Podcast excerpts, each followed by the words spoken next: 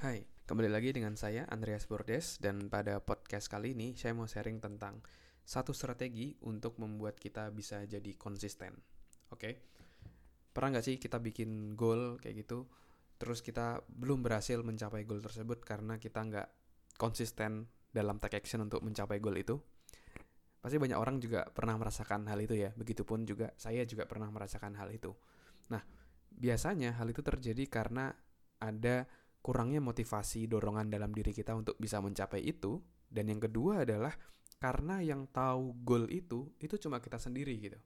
Jadi kita merasa ah yang tahu cuma saya sendiri kok.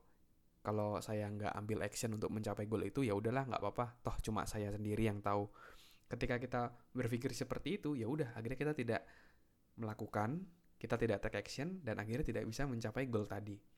Nah berdasarkan pengalaman saya untuk bisa mencapai goal itu kita harus punya satu yang namanya accountability partner ya jadi Indonesia-nya adalah uh, partner atau rekan akuntabilitas ya. Jadi rekan yang di mana kita bisa memberikan report progres kita dan mereka juga memantau uh, perjalanan kita sampai mana, apakah sudah mencapai atau belum.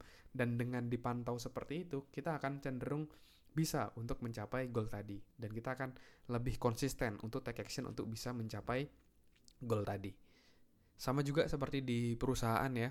baru baru-baru ini juga saya menangani salah satu bank ya uh, untuk restrukturisasi organisasi karena kerjaan saya juga menjadi HR consultant saat ini dan di sana juga dijelaskan uh, bahwa ada satu yang namanya uh, tata kelola yang baik itu adalah harus ada four eyes principle. Jadi ada uh, empat mata kayak gitu, nggak cuma sekedar satu orang aja. Kalau satu orang kan cuma dua bola dua mata ya. Ini harus four eyes principle.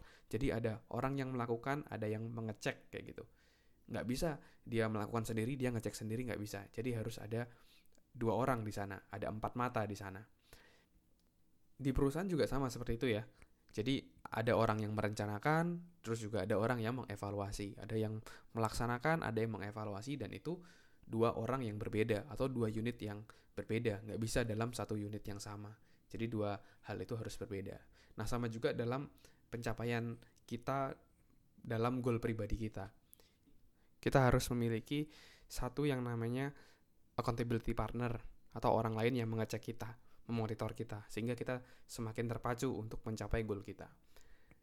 Kayak misalnya dulu saya mau nulis buku saya gitu ya, saya bikin report sama partner saya, progresnya seperti apa kayak gitu untuk memacu saya untuk bisa mencapai goal tadi secara konsisten. Dan ketika ada orang lain atau eksternal yang memantau kita, itu kita jadi jauh lebih termotivasi dan konsisten untuk mencapai goal kita.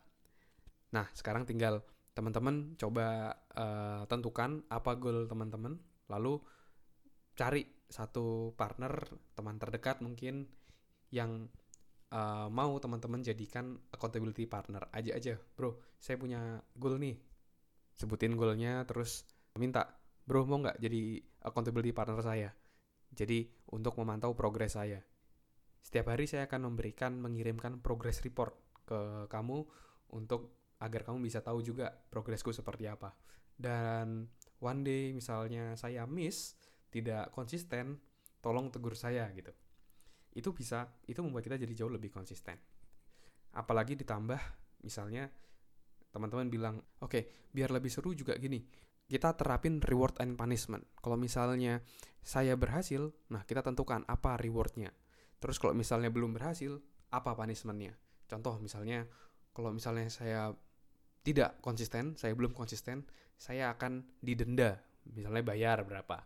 100 ribu atau saya akan push up 20 kali atau apa. Nah, tentukan, silakan tentukan reward and punishment yang seru kayak gitu ya. Yang tidak membahayakan dan itu bisa membuat kita jadi jauh lebih termotivasi. Oke? Thank you teman-teman sudah mendengarkan podcast kali ini.